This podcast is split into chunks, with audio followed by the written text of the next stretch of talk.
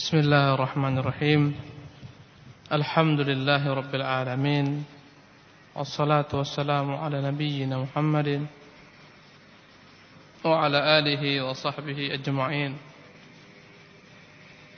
أما بعد إخوتي الكرام رحمن الله وإياكم أجمعين الحمد لله kita dapat melanjutkan kajian siratul Rasulullah sirah perjalanan Rasulullah sallallahu alaihi wasallam dalam mengemban dakwah menyebarkan Islam. Kita telah banyak mengarungi lautan kehidupan Rasulullah sallallahu alaihi wasallam. Semenjak beliau diutus sehingga perang Ahzab kemudian perangan melawan orang-orang Yahudi Bani Nadir Bani Qainuqa sebelumnya. Dan terakhir adalah Yahudi Bani Al-Quraidah selepas itu Rasulullah sallallahu alaihi wasallam telah berhasil menunjukkan kepada musuh-musuh Islam kekuatan mereka kewibawaan mereka apalagi kewibawaan mereka sempat terperosok jauh ke bawah ketika mereka terbunuh banyak pada perang Uhud. Maka selepas Ahzab selepas orang-orang musyrikin kembali ke negeri mereka setelah Rasulullah sallallahu alaihi wasallam menghabisi orang-orang Yahudi Bani Quraidah maka tampaklah oleh bangsa Arab kaum muslimin mereka adalah pasukan yang kecil yang diperhitungkan 10 ribu orang musyrikin. Tidak pernah ada sebanyak itu sebelumnya. Tidak berhasil menumpas kaum muslimin. Maka selepas perang Bani Quraidah Rasulullah mengeksekusi mati orang-orang Yahudi Bani Quraidah. Rasulullah mengirim berbagai macam bentuk utusan-utusan tentara-tentara, peloton-peloton agar menunjukkan kepada kaum muslimin, kepada orang-orang musyrikin, orang musuh-musuh Islam kekuatan kaum muslimin. Selepas itu Rasulullah pernah mengirim Ukasha bin Mihsan ke suatu tempat yang bernama Al-Ghamr pada bulan Rabiul Awal tahun ke-6 Hijriah. Ukasyah menjadi komandan peloton membawa 40 orang laki-laki. 40 pasukan untuk memerangi Bani Asad. Mereka sampai ke telaganya Bani Asad, Owasi, tempat berkumpulnya air milik Bani Asad. Maka seketika larilah orang-orang kufar. Mereka lari puntang eh, ya, tunggang langgang kemudian kaum muslimin yang berjumlah 40 orang ini berhasil membawa 200 unta subhanallah ke Madinah yang ditinggalkan oleh musuh-musuh Islam pernah juga Rasulullah mengutus peleton di bawah pimpinan Muhammad bin Muslim Maslamah ke Dzil pada bulan Rabiul Awal tahun ke-6 Hijriah Berarti sebelum diutusnya peleton di bawah pimpinan Ukasha, pasukan di bawah pimpinan Ukasha.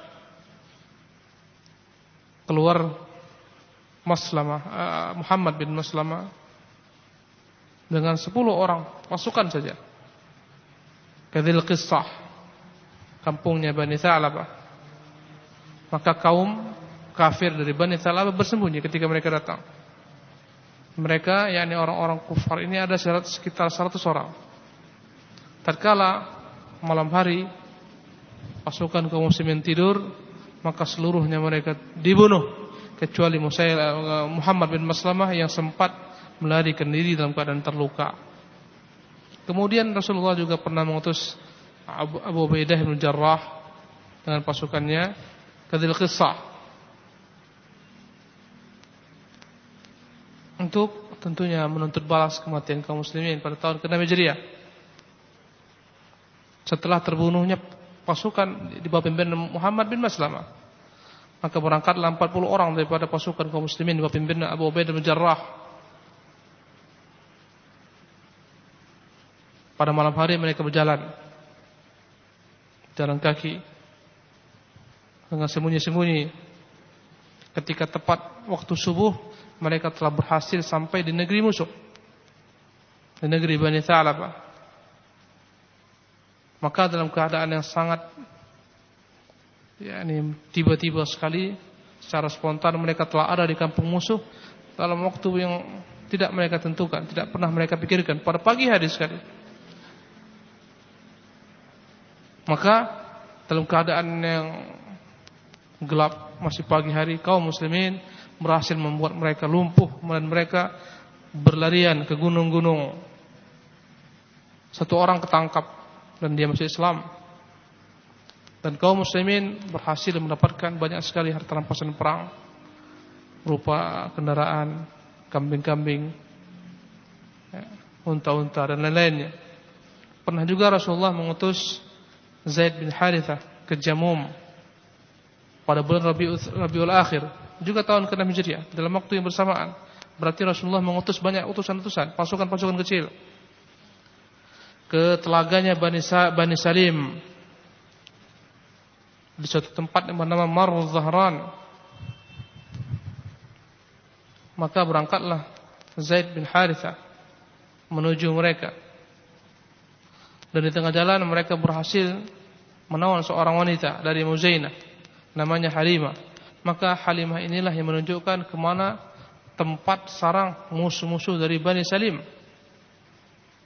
Ya, yang bersembunyi. Ditunjukkan tempatnya maka mereka berhasil ya, mengecoh musuh dan musuh berlarian dan kaum muslimin kembali pulang membawa harta rampasan perang yang banyak, unta-unta dan kambing-kambing serta tawanan-tawanan. Tatkala pulang Rasulullah SAW eh, tatkala pulang mereka kepada Rasulullah SAW perempuan inilah yang menyerahkan dirinya untuk dinikahi Rasulullah SAW yang turun ayat mengenainya wa ini mura'atun mu'minatun wahabat nafsah lin nabi jika ada seorang perempuan mukminah yang menghibahkan dirinya kepada Nabi wa arada an-nabiyyu an yastankihaha dan Nabi ingin menikahinya khalisatan laka min mu'minin secara khusus untukmu bukan kepada orang-orang beriman. Perempuan ini dari Muzainah menyerahkan dirinya kepada Rasulullah agar Rasulullah menikahinya. Ya. Tapi Rasulullah SAW tidak ada keinginan untuk menikahinya. Maka Rasulullah nikahkan dia kepada salah seorang laki-laki daripada kaum muslimin. Kemudian Rasulullah juga mengutus Syariah, eh, mengutus Zaid bin Harithah radhiyallahu taala anhu juga ke suatu tempat yang bernama Is pada bulan Jumadi Ula tahun ke-6 Hijriah. Berarti setelah bulan Rabiul Akhir. Jumadi Ula pada tahun ke, pada tahun ke-6 Hijriah. Membawa 170 pasukan yang berkendaraan. Dan pada keberangkatan ini mereka berhasil mengambil, menaklukkan, merampas unta-unta milik orang Quraisy dari kafilah dagangan membawa barang-barang dagangan di bawah pimpinan Abu As menantu Rasulullah sallallahu alaihi wasallam yang menikahi salah seorang daripada putri Rasulullah yang bernama Zainab. Namun setelah mereka berhasil merampas merampas kafilah ini Abu As berhasil melarikan diri dan dia bersembunyi sampai ke rumah putri Rasulullah bernama Zainab dan minta suaka, minta perlindungan kepada Zainab bintu Rasulullah sallallahu alaihi wasallam. Maka Zainab melindunginya, subhanallah. Minta suaka dia. Maka Zainab melindunginya. Kemudian Abul As memohon kepada Zainab istrinya agar Rasulullah SAW mengembalikan harta rampasan yang diambil oleh pasukan kaum muslimin kepada Abul As untuk dikembalikan ke orang-orang Quraisy. Maka dia pun melaksanakan perintah suaminya. Dia datangi Rasulullah SAW, dia bermohon kepada Rasulullah agar dikembalikan milik orang-orang Quraisy tanpa dengan dipaksa Maka Rasulullah berbicara kepada para sahabat-sahabat dalam bentuk usulan. Kalaulah saja dipulangkan apa-apa yang diambil daripada Abul As agar dia karena dia adalah merupakan duta utusan orang-orang Quraisy dalam perdagangan ini agar dikembalikan seluruh harta ini kepada pemiliknya maka Rasulullah wasallam mengusulkan kepada kaum muslimin usul ini dan tanpa sedikit juga pun ada unsur paksaan. Karena Rasulullah yang berbicara dan karena para sahabat berusaha mencari keridhaan Rasulullah sallallahu alaihi wasallam maka mereka segera mengembalikan apa pun yang mereka ambil, yang sedikit, yang banyak, segala sesuatu yang mereka ambil mereka kembalikan lagi atas saran Rasulullah sallallahu alaihi wasallam. Subhanallah. Bahkan ketika apa namanya? Abul As ini dalam sebagian riwayat tertangkap ya. Kemudian dia berhasil lari dari dari orang-orang Quraisy. Sebelumnya Zainab telah berusaha menebus suaminya dengan dengan kalung yang merupakan pemberian ibunya Khadijah radhiyallahu taala subhanallah. Ini menunjukkan betapa perempuan mencintai suaminya. Ketika itu Abu As belum Islam. Dia berikan kalungnya untuk menebus. Maka Rasulullah ketika melihat kalung ini tersentuh hatinya. Dia teringat kepada Khadijah radhiyallahu taala maka dibebaskan tanpa dengan tebusan. Yang jelas dalam kisah ini dikembalikan semuanya kepada Abu As dan Abu As kembali ke Mekah. Dan dia tunaikan semua pesan-pesan orang Quraisy, harta Quraisy kepada pemilik-pemiliknya. Selepas itu dia pun hijrah masuk Islam. Radhiyallahu an. Maka Rasulullah SAW mengembalikan Zainab ke dalam ke, ke, ya, ke e, pernikahan awal dengan Abul As tanpa diperintahkan untuk memperbaharui pernikahan lagi. Kemudian ikhwan rahimanillahu wa iyyakum ajma'in. Rasulullah juga mengutus syariah, mengutus pasukan Zaid bin Harithah ke satu tempat yang bernama Tarf atau Torok pada bulan Jumadi akhirah. Pada tahun ke-6 Hijriah ini berarti banyak yang Rasulullah kirim. Keluarlah Zaid bin Harithah membawa 15 orang dari Bani Sa'labah ke tempat Bani Sa'labah. Maka berlarian orang-orang Bani Sa'labah. Mereka khawatir dan mereka menganggap bahwasanya pasukan ini ikut padanya Rasulullah sallallahu alaihi wasallam. Maka mereka berlari dan kaum muslimin berhasil memperoleh daripada harta-harta mereka rampasan perang sebanyak 20 unta dan kaum muslimin meninggalkan Madinah selama empat malam untuk mencapai Bani Thalabah dan pulang kembali. Rasulullah juga mengutus Zaid bin Haritha ke Wadil Qura namanya dalam bulan Rajab tahun ke-6 Hijriah juga membawa 12 orang saja ke Wadil Qura untuk melihat gerakan musuh sampai di mana langkah-langkah musuh. Namun penduduk Wadil Qura dengan tiba-tiba menyerang mereka, mengepung mereka, ya, dan membunuh sembilan orang daripada mereka. Hanya tiga orang yang selamat. Antara Zaid bin Harithah. Subhanallah. Inilah dia resiko dalam berperang. Kalau kita tidak membunuh, maka kita dibunuh. Kemudian pernah juga Rasulullah SAW mengirimkan pasukan pada bulan Rajab tahun ke-8 eh, Hijriah Yang jelas sebelum perang Hudaybiyah, sebelum terjadi perjanjian Hudaybiyah. Sebagaimana kata Jabir radhiyallahu taala anhu Rasulullah mengutus kami 300 orang di bawah pimpin Abu Ubaidah bin Jarrah untuk memata-matai orang-orang Quraisy memantau ternak-ternak milik orang Quraisy. Berkata ketika itu Jabir, maka kami dalam keadaan yang sangat kelaparan sekali. Apa pun yang bisa kami makan, kami makan, kata beliau. Tiap hari mereka sembelih unta-unta mereka. Tiga, tiga, tiga. Setelah itu Abu Ubaidah larang, jangan lagi sembelih. Kalau disembelih kita nggak pulang, nggak pulang kita ke Madinah. Maka ya mereka posisinya dekat tepi lautan. Allah Subhanahu taala dengan kemuliaannya memberikan kepada mereka hadiah berupa ikan paus yang terdampar terdampar ke pantai nggak bisa balik ke, lautan dalam besar sekali bahasa Arabnya lanbar. Berkata Jabir maka kami berpesta pora makan ikan paus selama satu bulan penuh. Bahkan kami sempat subhanallah ini menunjukkan bahwasanya ikan paus itu boleh dimakan. Semua ikan yang dalam lautan itu boleh dimakan. Satu bulan mereka makan ikan paus bahkan mereka sempat menjemurnya, mereka potong-potong, mereka keringkan, ya, mereka jadikan sebagai minyak dan seterusnya. Banyak mereka berbuat.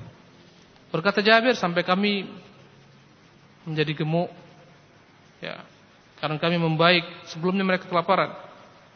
Bahkan Abu Beda sempat mengambil tulang rusuk milik ikan paus yang begitu besar, ya, dibawa di atas unta yang terbesar. Kemudian pengendaranya yang paling tertinggi dan terbesar juga. Subhanallah. Mereka sampai ke Madinah dan mereka melaporkan kejadian tersebut kepada Rasulullah SAW. Bahkan Rasulullah meminta bagian daripada ikan tersebut dan mereka berikan kepada Rasulullah Sallallahu Alaihi Wasallam. Selanjutnya, ikhwani rahimakumullah, kita akan berbicara tentang peperangan yang penting untuk diketahui dalamnya banyak terkandung ibrah kesabaran Ummul Mukminin Aisyah radhiyallahu taala dan keluarganya. Bagaimana sikap orang-orang munafikin sikap orang-orang beriman dalam menanggapi berita ya yang simpang siur kabar burung yang disebutkan orang-orang munafik fitnah yang terjadi pada perangan Bani Mustaliq atau disebut dengan juga Ghazwatul Muraisi' Ikhwani rahimakumullah Sebenarnya peperangan ini Peperangan menaklukkan orang-orang Yahudi Bani Mustalik Bukanlah merupakan peperangan besar Sekali berahzab Ataupun Uhud ya, Ataupun perang Badar. Enggak. Dari sisi tinjauan yakni Jumlah personal pasukan enggak banyak. Tapi Dalam peperangan ini terjadi fitnah Yang membuat goncang masyarakat kaum muslimin. Subhanallah. Dalam apa namanya sejarah perangan ini maka tersaringlah orang-orang munafikin daripada orang-orang mukminin kemudian turunlah hukum ta'zir had terhadap orang-orang yang memfitnah seorang wanita berzina dan seterusnya yang termaktub dalam Quran Al-Karim dalam surah An-Nur ya. Kemudian ikhwan rahimakumullah dalam peperangan ini juga akan tampak bagaimana sikap kaum muslimin dalam menanggapinya. Akhlak mereka yang mulia, begitu sucinya jiwa mereka. Subhanallah. Kita akan berbicara terlebih dahulu tentang perangan ini, perangan Bani Mustaliq. Setelah itu kita akan berbicara tentang kejadian-kejadian yang terjadi pada perangan ini sangat penting untuk diketahui jadikan sebagai pelajaran. Peperangan ini ikhwan, peperangan Bani Mustalik, perangan yakni melawan orang-orang Yahudi Bani Mustalik, Bani Mustalik terjadi pada tahun ke-6 Hijriah menurut sebagian riwayat. Dan ini dirujukan oleh eh, Al-Allamah Mubarak Furi. Sebagian seperti Syekh Muhammad mengatakan pada tahun kelima, tahun kelima Hijriah. Tapi, tapi yang dirajihkan oleh Syekh Al-Mubarak Furi Safiuddin pada tahun ke-6 Hijriah terjadi. Sebab peperangan ini sebabnya terjadi bahwasanya pemimpin Bani Mustaliq yang bernama Al-Harith bin Abi Dirar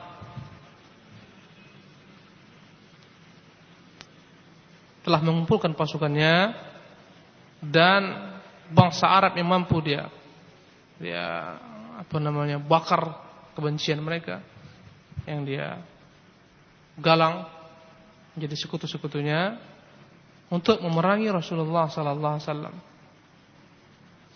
Maka Rasulullah kirim Buraidah bin Husayb al-Aslami untuk mengecek kebenaran berita ini. Apakah benar mereka ingin memerangi Rasulullah? Berangkatlah ketika itu sahabat Rasulullah Buraidah bin Husayb al-Aslami. Kemudian dia melihat dan bertemu dengan Harith dan pasukannya. Al-Harith bin Abi Dirar. Bahkan dia sempat berbicara dengan Al-Harith. Meyakinkan kembali. Dan ternyata benar. Mereka telah azam untuk memerangi Rasulullah Sallallahu Alaihi Wasallam. Pulanglah sahabat Rasulullah. yakni Buraid bin Husayb memberitakan apa yang didengar langsung dari musuh bahwasanya memang mereka benar-benar telah bersiap untuk merangi kaum muslimin. Maka setelah Rasulullah mengecek kebenaran berita itu, dia kerahkan para sahabat-sahabat untuk menumpas mereka ini. Orang-orang yang memerangi Islam dan kaum muslimin. Maka mereka pun berangkat.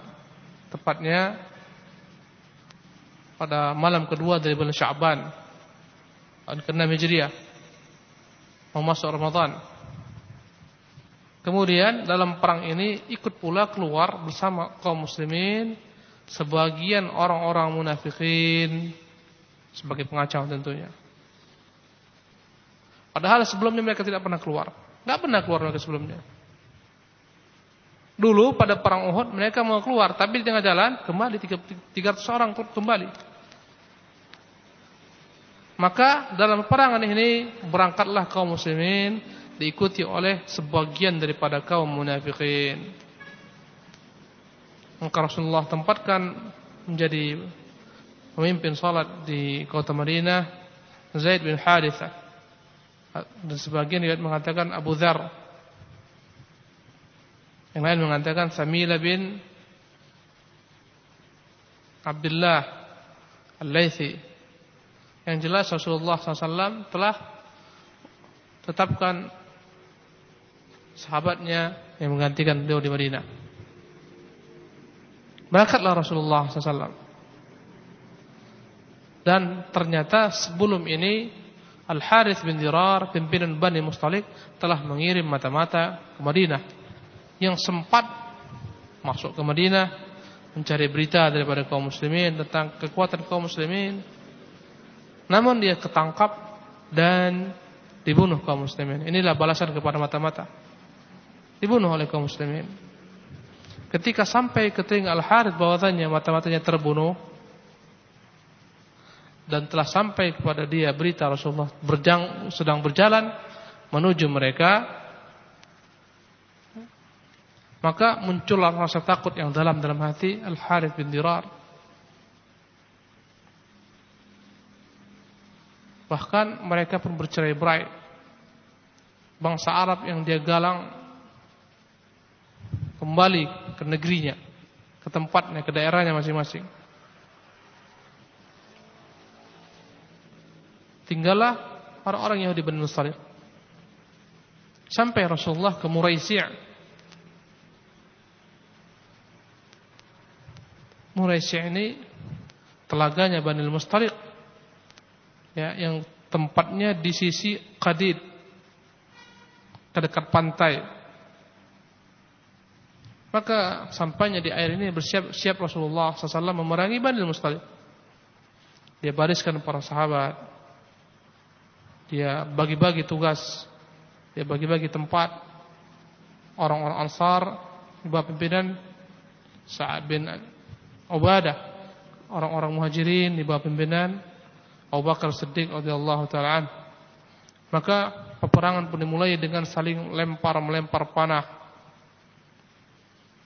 Setelah itu usai, maka Rasulullah perintahkan kaum muslimin untuk menyerang mereka dengan segala dengan satu komando.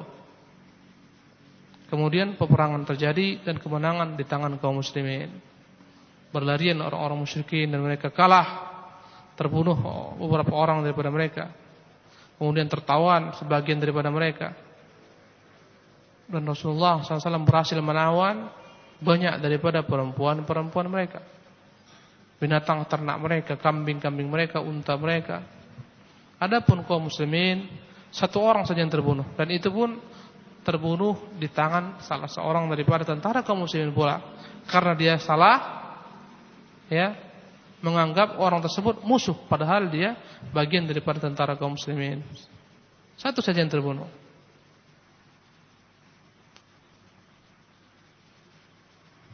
Namun Ibnu Qayyim rahimahullah taala menyatakan bahwasanya tidak ada peperangan. Enggak ada. Ibnu Qayyim rahimahullah taala menganggap keliru riwayat-riwayat menjelaskan ada perangan di sana. Enggak ada perangan. Yang ada Rasulullah wasallam secara spontan mengepung mereka dan mereka menyerah. Itu pendapat Ibnu Qayyim rahimahullah taala.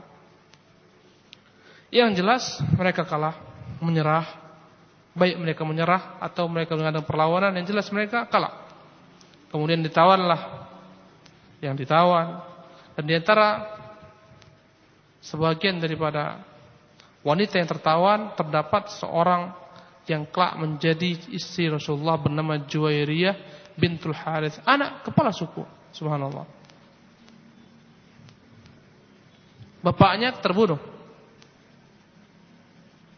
Dalam kafir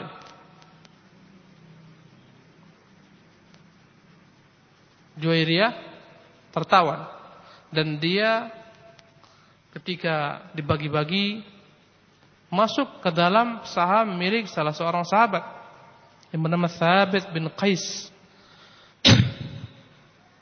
Karena setelah peperangan usai tentu dibagi-bagi. Dibagi-bagi. Harta rampasan pun dibagi-bagi. Seperlima diambil Rasulullah, sisanya dibagi-bagi. Maka Ketika dibagi-bagi Juwairiyah bintul Harith ini menjadi bagian salah seorang sahabat bernama Thabit bin Qais radhiyallahu anhu. Maka Thabit memerintahkan perempuan ini supaya berupaya untuk membebaskan dirinya menjadi merdeka. Dalam bahasa Arabnya mukatabah. Artinya, kau kumpulkan sekian uang, tebus dirimu. Namanya apa? Mukatabah diwajibkan oleh tuannya, kau cari sekian uang, jika ada engkau akan bebaskan. Namanya apa tadi? Mukatabah. Maka datang dia kepada Rasulullah SAW minta bantuan agar memberikan kepada dia sejumlah uang agar dia terbebas menjadi merdeka. Apalagi dia adalah putri kepala suku. putri daripada Al-Harith bin Dirar. Maka kata Rasulullah, maukah engkau lebih daripada apa yang kau minta? Apa itu? Ya Rasulullah. Kata beliau sallallahu alaihi wasallam, engkau bebaskan, setelah itu engkau kunikahi. Maka akhirnya Rasulullah SAW menikahi Juwairiyah radhiyallahu taala anha wa ardhaha karena pernikahan ini Rasulullah SAW ya karena pernikahan ini maka kaum muslimin merasa turut bergembira dengan pernikahan Rasulullah dengan Juwairiyah. Mereka pun membebaskan 100 keluarga daripada Bani Mustariq sebagai tanda sukacita mereka dengan pernikahan Rasulullah.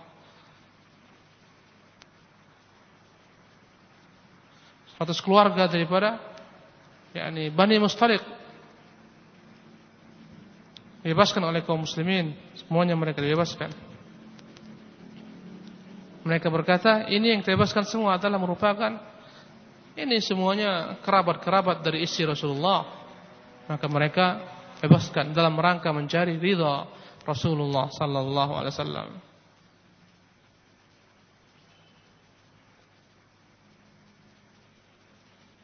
Inilah peperangan Bani Mustalik.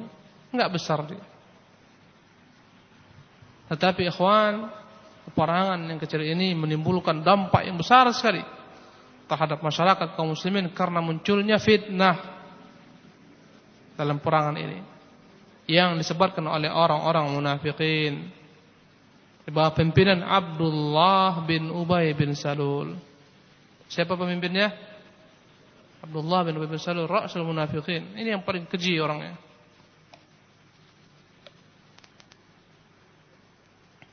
Kita telah jelaskan bagaimana kebencian Abdullah bin Ubay kepada Islam secara khusus kepada Rasulullah SAW. Dulu kala kita telah jelaskan orang-orang Aus Khazraj telah sepakat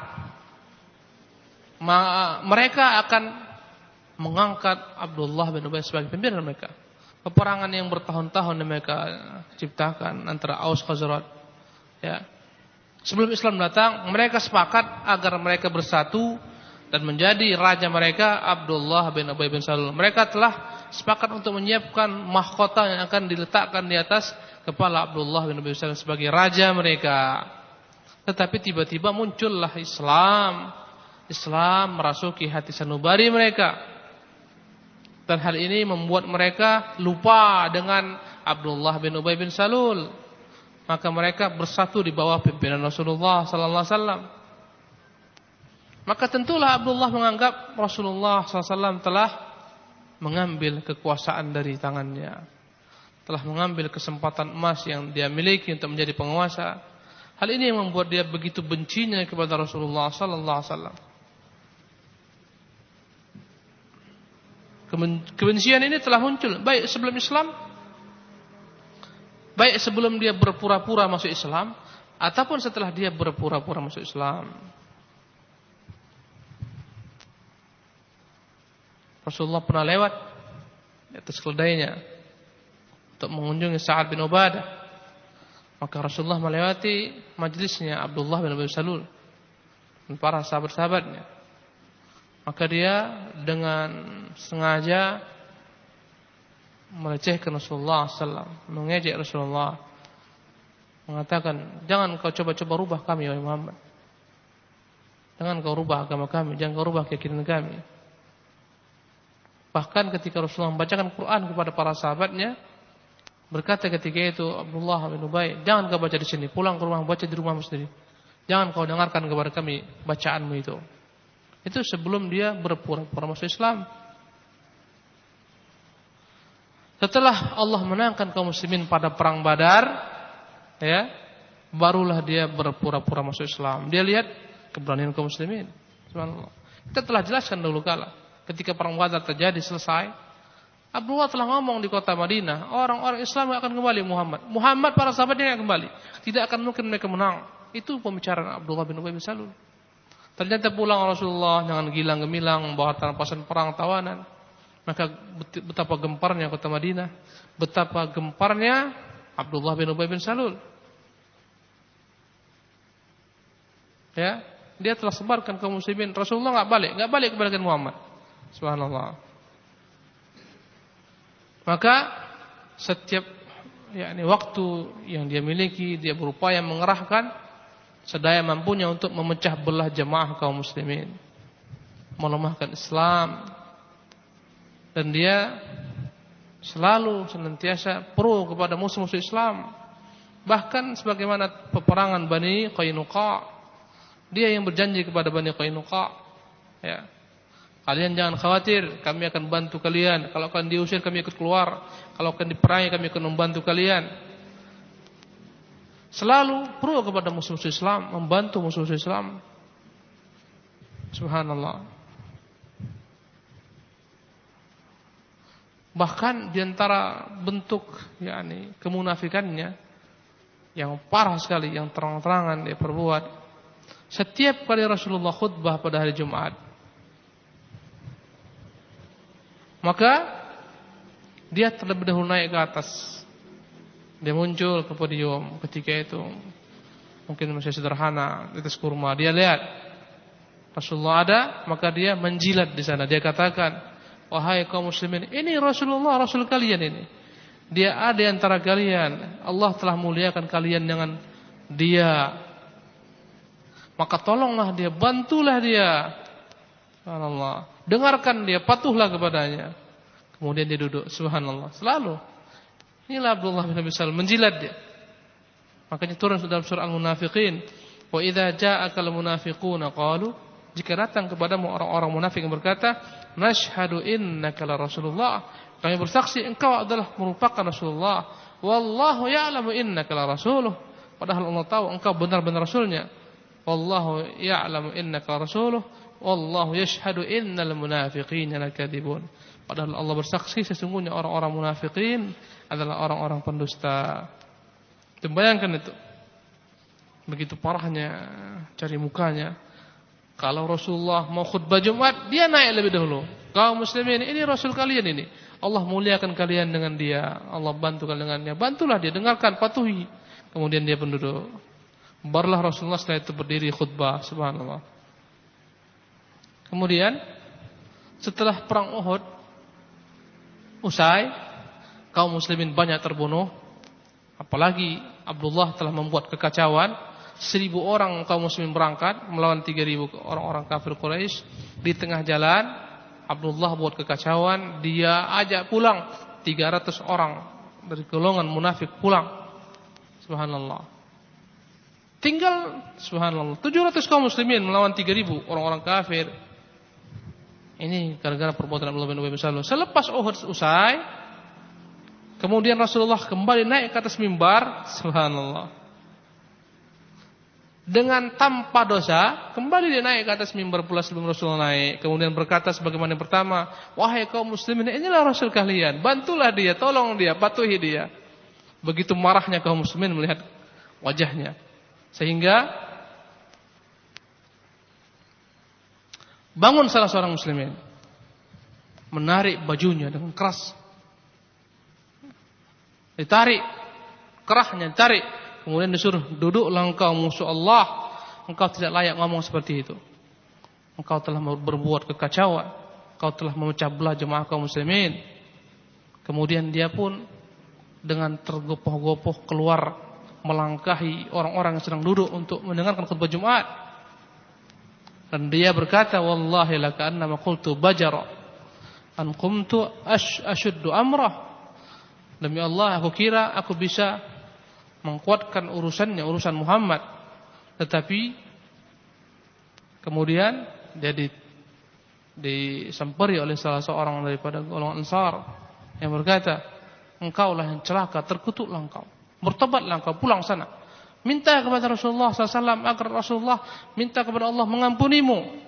Apa kata Abdullah bin bin Salul? Wallahi ma abtaghi an yastaghfir demi Allah aku tidak butuh dia minta kepada Allah ampunan untukku subhanallah. Makanya turun ayat dalam surah al-munafiqin wa idza qila lahum ta'alu yastaghfir lakum rasulullah. Jika dikatakan kepada mereka mari mintalah kepada Rasulullah agar Rasulullah berdoa kepada Allah untuk mengampuni kalian. Ta'alu yastaghfir lakum rasulullah. Wa ru'usahum wa ra'aitahum yasuddunahum mustakbirun mereka palingkan leher mereka ke belakang, mereka segera berjalan berpaling dan mereka dalam keadaan sombong. Inilah orang-orang munafikin. Apa kata dia? Aku nggak butuh. Muhammad minta-minta ampun kepada Tuhan dia nggak butuh aku. Subhanallah. Menunjukkan kekufurannya. Apalagi dia punya hubungan dengan Bani Nadir, orang-orang Yahudi Bani Nadir yang senantiasa dia menyusun siasat untuk memerangi kaum muslimin ya, dalam peperangan Bani Nadir yang mereka dikepung dan seterusnya. Dalam perang Ahzab juga dia berperan sekali. Ya. Dia yang telah membuat berbagai macam bentuk provokasi di antara kaum muslimin. Ya, perang Ahzab 10 ribu orang melawan 3 ribu pasukan kaum muslimin. Mereka kelaparan yang bersangatan kedinginan selalu terus menerus Abdullah bin Ubay menyebarkan provokasi melemahkan kaum muslimin. Muhammad berjanji kepada kalian akan memiliki istana Romawi, istana Persia, padahal kalian sekarang buang air saja dalam keadaan ketakutan. Berbagai macam bentuk provokasi disebarkan, isu-isu. Apa katanya? Ma rasulillah. Tidak adalah janji-janji Allah dan Rasulnya kecuali hanyalah tipu daya saja. Enggak ada itu kemenangan. Bagaimana akan menang 3000 orang melawan 10000 orang? Itu hanya omong kosong belaka Muhammad. Bahkan dia katakan Allah Muhammad itu hanya omong kosong aja nggak ada itu. Subhanallah. Inilah perkataan orang-orang munafikun.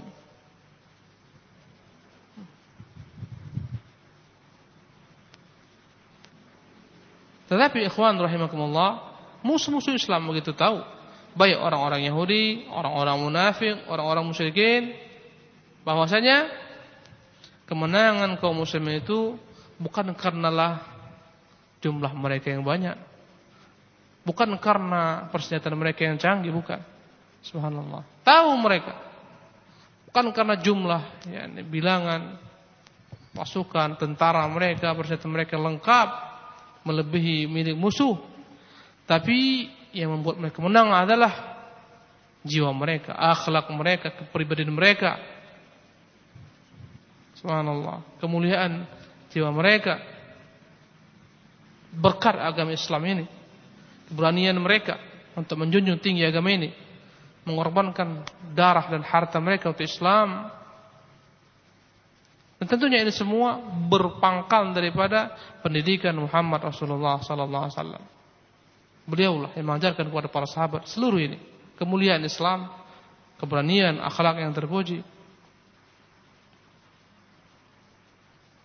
Ikhwani rahimakumullah karena itulah bertahun-tahun, lima tahun lebih. Musuh-musuh Islam nggak pernah berhasil menghabisi mereka, nggak pernah. Karena itulah mereka mencari jalan-jalan lain untuk menghancurkan kaum muslimin. Maka mereka melihat berbagai celah untuk menghancurkan kaum muslimin. Jika tidak mampu dengan peperangan, tentunya dengan provokasi, adu domba. Ya. Tentunya tujuan mereka yang paling pertama adalah menghancurkan sosok pribadi Rasulullah sallallahu alaihi wasallam di antara para sahabat-sahabat beliau. Kalau Rasulullah berhasil mereka jatuhkan, maka hancur Islam. Tentunya orang-orang munafikin, mereka yang paling punya peran penting dalam perkara ini. Karena mereka tinggal beserta kaum muslimin. Hidup beserta kaum muslimin. Menghadiri majlis-majlis kaum muslimin. Sholat beserta kaum muslimin. Mereka tinggal di kota Madinah. Mereka berhubungan dengan kaum muslimin. Tahu apa yang terjadi dengan kaum muslimin.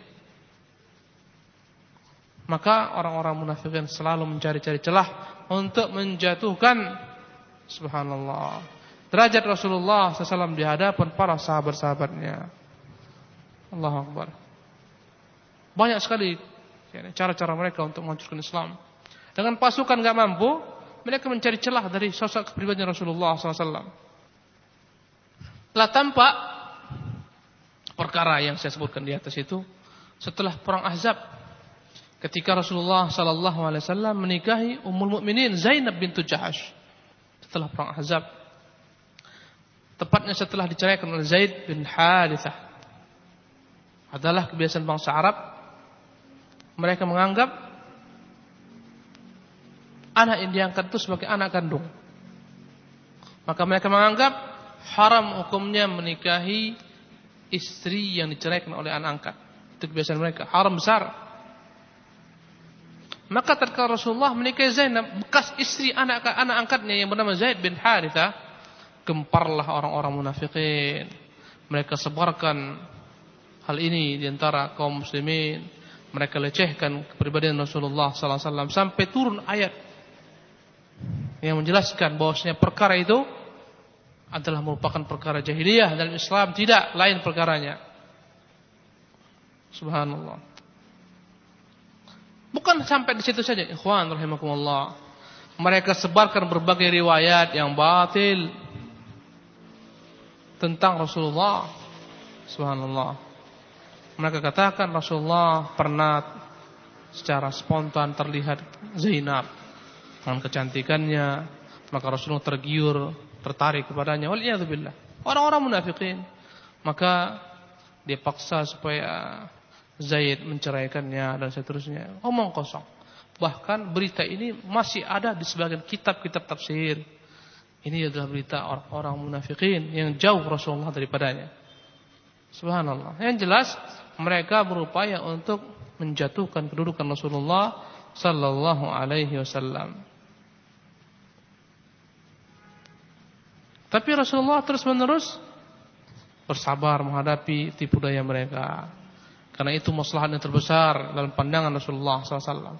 Agar jangan sampai kalaulah mereka dieksekusi akan takut orang-orang di luar Islam. Mereka akan mengatakan Muhammad ternyata membunuh sahabatnya. Muhammad ternyata kejam kepada sahabat-sahabatnya. Maka Rasulullah upaya untuk bersabar, menahankan semua sepak terjang mereka yang telah mengacaukan barisan kaum muslimin.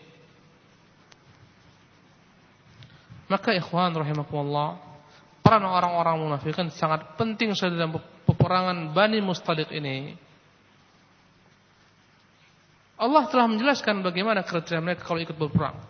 Dalam perang Bani Mustaliq mereka ikut bersama. Apa kata Allah? Lau kharaju fikum mazadukum illa khabala. Kalaulah mereka itu keluar bersama kalian, mereka tidak menambah kecuali semakin kacau balau pasukan kalian. Wala awda'u khilalakum yabtagunakum al-fitnah. Mereka akan buat fitnah di antara kalian. Subhanallah. Tiap kali mereka melihat peluang untuk menyebarkan fitnah, ada domba, tipu muslihat, mereka gunakan untuk memecah belah jemaah kaum muslimin. Dalam peperangan ini, ikhwan rahimakumullah. Mereka sempat berkata, ya, yang Allah rekam dalam Al-Qur'an Al-Karim. Apa kata mereka terhadap orang-orang beriman? La in raja'na lil madinati la yukhrijanna al-a'azzu minhal adzal. Subhanallah. Kalau saja kita sampai nanti ke Madinah, kita akan segera keluarkan orang-orang yang hina itu. Kita yang mulia, kita pemilik negeri, negeri Madinah itu milik kita, sampai nanti Madinah kita akan keluarkan yang hina itu. Maksudnya siapa? Rasulullah, orang-orang muhajirin. Subhanallah. Allahu Akbar mereka kompor, yang mereka provokasi orang-orang munafikin yang rendah moralnya. Apa Muhammad dan para orang-orang muhajir itu? Mereka kemarin kelaparan, sekarang mereka sudah punya harta segala macam dari negeri kita ini. Sekarang mereka kalahkan kita, mereka menguasai semua. Nanti awas kalau sampai di Madinah kita akan keluarkan, kita usir mereka. Kita akan keluarkan mereka itu yang hina-hina. Allah akan dalam Al-Quran Al-Karim.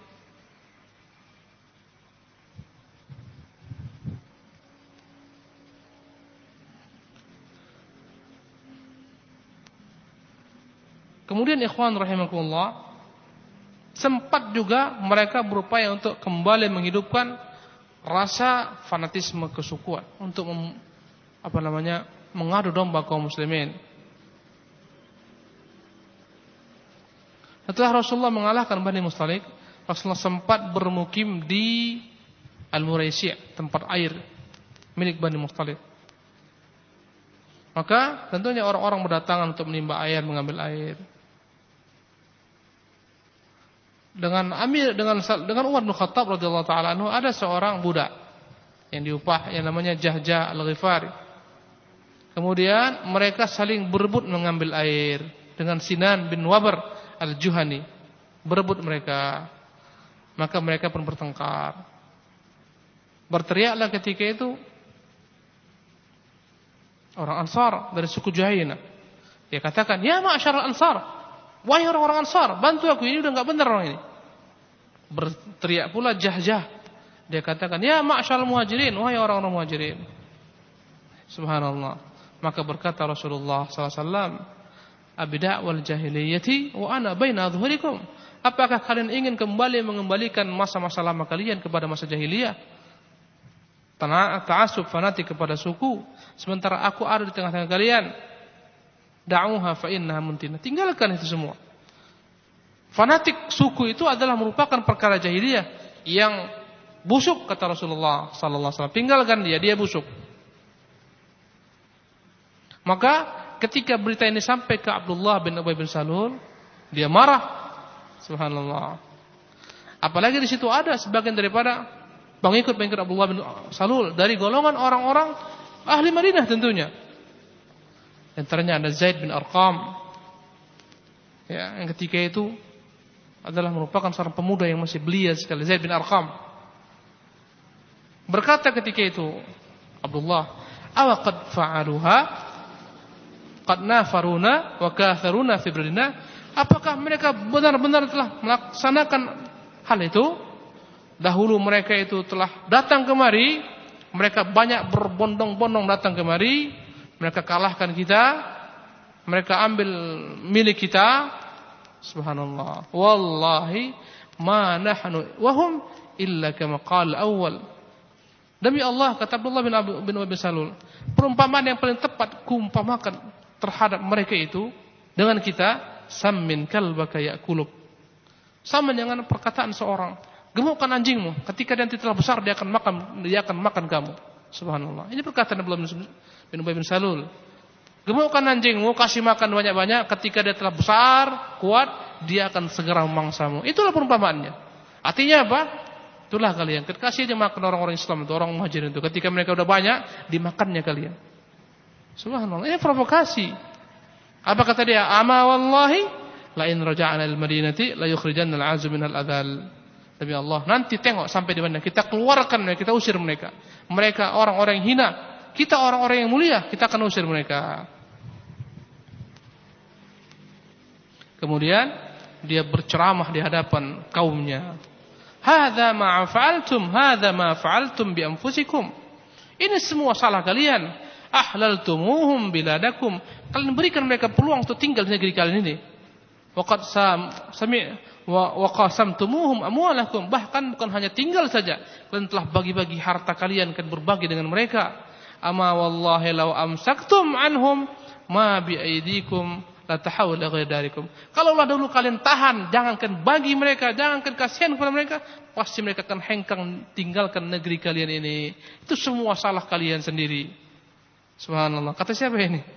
Abdullah. Ini ikhwan, selalu terjadi ikhwan. Fanatisme fanatisme kesukuan selalu ini yang menjadi apa namanya?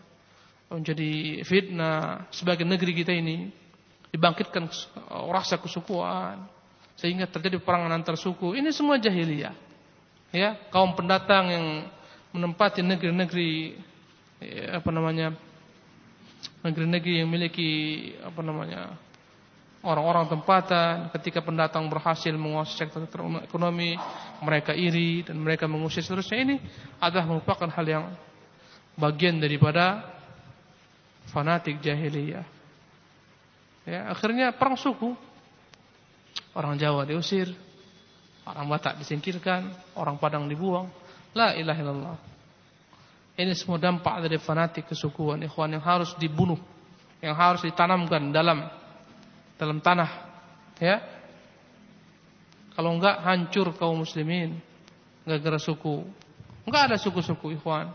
Jahiliyah semua itu yang bergantung dengan sukunya, komunitasnya itu jahiliyah semuanya. Maka di antara orang Ansar ada Zaid bin Arqam. Segera memberitahukan ini kepada Rasulullah SAW. Dia beritahukan kepada pamannya terlebih dahulu. Maka sampailah berita ini kepada Umar. Berkata Umar radhiyallahu taala anhu, "Mur Abbad bin Bishr falyuqatilhu." Kata Umar, udah suruh aja. Sahabat bin Bishr biar dipenggal kepala Abdullah bin Ubay itu. Faqala berkata Rasulullah, "Fa kaifa ya Umaru idza tahaddatsa an-nasu anna Muhammadan yaqtul ashabah?" Bagaimana pandangan Umar jika orang-orang berbicara Muhammad sekarang sahabat pun dia bunuh, sahabatnya sendiri dia bunuh. La walakin i'dzan birrahil tidak. Tapi katakan semuanya siap-siap kita akan berangkat tinggalkan tempat ini pulang ke Madinah. Subhanallah. Masya Allah, Rasulullah bersabar. Kenapa? Rasulullah tahu kalau ini dibunuh muncul fitnah lebih besar daripada itu. Dia punya pengaruh di kaumnya. Dari sisi apa intren sendiri akan kacau balau karena masih banyak sekali kaum yang simpati kepadanya. Kemudian dari sisi luar, ekstren, eksternal, faktor eksternal, apa kata-kata orang-orang kafir? Ternyata Muhammad sahabatnya pun dia bunuh. Maka Rasulullah katakan jangan segera saja perintahkan untuk seluruhnya bersiap-siap kita akan kembali tinggalkan tempat ini menuju Madinah. Padahal itu adalah merupakan waktu yang Rasulullah nggak biasa berpergian pada waktu tersebut. Ya, Rasulullah biasanya tunggu waktu yang pas baru berangkat. Tapi kata Rasulullah sekarang siap-siap semua pulang. Untuk apa? Agar kaum muslimin melupakan segala macam bentuk apa namanya eh, peristiwa-peristiwa yang mengguncang mereka Agar lupa semua. Orang kalau dia lupa itu. Maka disuruh semua, eh jalan, siap-siap, jalan semua. Tinggalkan tempat ini. Supaya mereka melupakan apa namanya? kejadian-kejadian yang baru terjadi. Ini ini merupakan teori Rasulullah itu, ya. Kalau antum ingin supaya orang enggak apa apa namanya kacau balau, buat mereka sibuk dengan suatu perkara yang lebih besar pada itu, buat mereka sibuk. Sekarang ini banyak sekali kacauan karena mereka itu nganggur. Kalau mereka sibuk nggak sempat mereka berpikir untuk membuat kekacauan. Jangan ciptakan pengangguran. Ya, yang ngaco itu orang-orang nganggur itu orang sibuk nggak sempat dia memikirkan untuk ngaco-ngaco orang. Ya, subhanallah. Kemudian bersiap-siaplah kaum muslimin. Berjumpa Rasulullah dengan Usaid bin Hudair, pemimpin kaum Ansar di antara pemimpin kaum Ansar. Kemudian dia memberikan kepada Nabi salam dan bertanya, "Ya Rasulullah, kenapa Anda bergerak membawa pasukan pada saat-saat seperti ini yang enggak tepat kita bergerak?" Berkata Rasulullah, "Awama balaghaka ma qala sahibukum?" Tidakkah kau dengar apa yang dikatakan itu orang-orang kalian itu? Maksudnya apa? Abdullah bin Ubay bin Salul. Faqala berkata ketika itu Usaid bin Hudair, "Wa ma qal?" Apa rupanya yang telah dikatakan ya Rasulullah? Qala za'ama annahu in raja ila madinati la yukhrijanna al-'azzu minha al Itu orang kalian itu menganggap kalau anda kata dia telah sampai ke Madinah, dia akan keluarkan semua orang-orang hina dan dialah orang-orang yang mulia. Qal fa anta ya Rasulullah tukhrijuhu minha in syi'ta. Berkata Usaid, "Ya Rasulullah, engkau engkau yang memiliki wewenang jika engkau mau engkau bisa mengeluarkan dari Madinah." Huwa wallahi ladzalilun wa antal aziz. Demi Allah, dia itu yang hina, engkau yang mulia ya Rasulullah. Kemudian berkata Usaid, "Ya Rasulullah, urfuq bih." Wahai Rasulullah, berlemah lembut dengannya. Fa wallahi laqad ja'ana Allahu bik. Demi Allah, Allah telah membawa engkau kepada kami. Wa inna qaumahu la yunadzimuna lahu al-kharza liyutawwijuh. Padahal sebelumnya ya Rasulullah sebelum engkau datang kemari, kaumnya telah menyiapkan untuk dia mahkota agar dikenakan atas kepalanya. Fa inni fa innahu yara annaka istalabtahu mulka. Sekarang dia menganggap engkau telah mengambil mahkota tersebut dari tangannya. Subhanallah. Kemudian Rasulullah pun berjalan.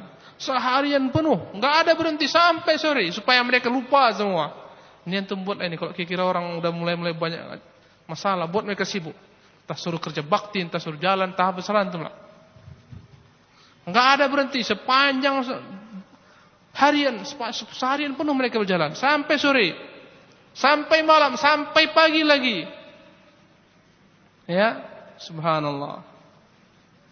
Sampai-sampai mereka merasa kepanasan dengan terik matahari. Kemudian mereka terus berjalan, berjalan. Ya, sampai-sampai mereka banyak yang tertidur sambil berjalan sangkin letihnya mereka. Semuanya ini supaya orang nggak sibuk lagi berbincangkan perkara itu. Anda melihatlah. Ya, banyak sekali trik-trik yang dilakukan oleh orang-orang seperti ini ya. Untuk melupakan suatu masalah dibuat masalah baru. Lihat aja lah. Catur perpolitikan dan seterusnya. Supaya orang lupa. Masalah besar, buat masalah baru. Subhanallah. Adapun musuh Islam, musuh besar Islam Abdullah bin Ubay tatkala mengetahui Zaid bin Harqam telah menyampaikan berita kepada Rasulullah tentang apa yang dia ucapkan, Datanglah dia kepada Rasulullah, bersumpah-sumpah dia. Apa kata dia? Ma qultu wa maqal. Enggak ada aku katakan itu ya Rasulullah, bersumpah dia. Enggak pernah aku berbicara demikian ya Rasulullah. Subhanallah.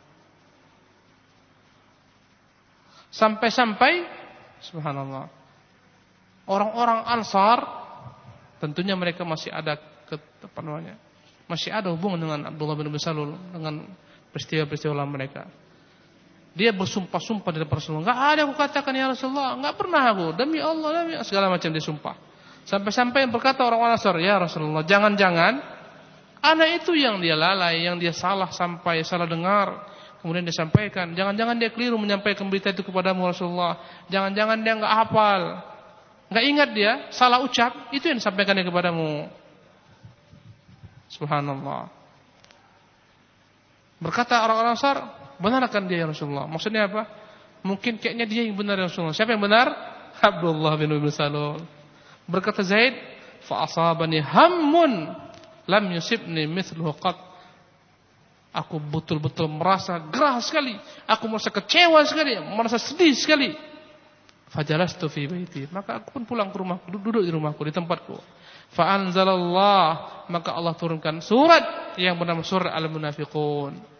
Membenarkan perkataan Zaid bin Arqam. Yahlifuna billahi ma qalu. Mereka bersumpah demi Allah, kami tidak pernah mengatakannya. Walaqad qalu kalimatal kufri. Padahal mereka telah mengatakan perkataan kekufuran. Sampai-sampai Allah katakan, "Humul ladzina yaqulun." Mereka lah yang berkata, "La tunfiqu 'ala man 'inda Rasulillah hatta yanfaddu." Jangan beri makan lagi itu orang-orang yang beserta Rasulullah sampai mereka kelaparan tinggalkan negeri kalian dan mencari negeri lain. Allah yang mengatakan, bukan lagi dusta, bukan lagi perkataan Zaid tapi langsung Allah SWT turunkan ayat bahkan diberikan dengan nama surah Al-Munafiqun suratnya orang-orang munafikin maka Rasulullah SAW mengirim seorang utusan kepadaku kata Zaid membacakan surat ini kepadaku kemudian berkata Rasulullah innallaha qad saddaqaka sesungguhnya Allah telah membenarkan engkau Zaid bin Arqam dia yang benar Subhanallah. Untuk bayangkan itu. Inilah bahayanya yang namanya fitnah ikhwan. Jelas-jelas Zaid bin Arqam mendengar, dia katakan kepada Nabi sejujur-jujurnya, datang Abdullah bin Ubay bin Salul. Enggak ada rasa takut dia. Demi Allah, enggak ada itu Muhammad. Demi Allah aku bersumpah. Wallahi taala semua disebutkan. Ah, kata orang Ansar melihat melihat kepintarannya berbicara, melihat kelihayannya dalam memutarbalikkan fakta, ya, dalam berorasi, apa kata orang Ansar ya Rasulullah? Kayaknya dia ini yang benar. Zaid itu salah dengar dia itu. Maklumlah anak-anak. Apa kata Zaid? Demi Allah. Sedih sekali kurasakan. Aku distakan oleh orang Ansar. Aku pulang ke rumahku. Sampai Allah turunkan ayat ini. Membenarkan Zaid bin Arqam. Tetapi ikhwan. Walaupun bapaknya ini gembong kemunafikan. Dia punya putra yang beriman. Yang salih, yang baik. Namanya Abdullah Bapaknya namanya Abdullah, dia pun namanya Abdullah. Ya. Saleh. Bapaknya munafik, dia, dia seorang mukmin yang saleh. Maka setelah kejadian ini dia berlepas diri daripada bapaknya. Bahkan dia berdiri di, di depan pintu gerbang kota Madinah. Kemudian dia keluarkan pedangnya. Subhanallah.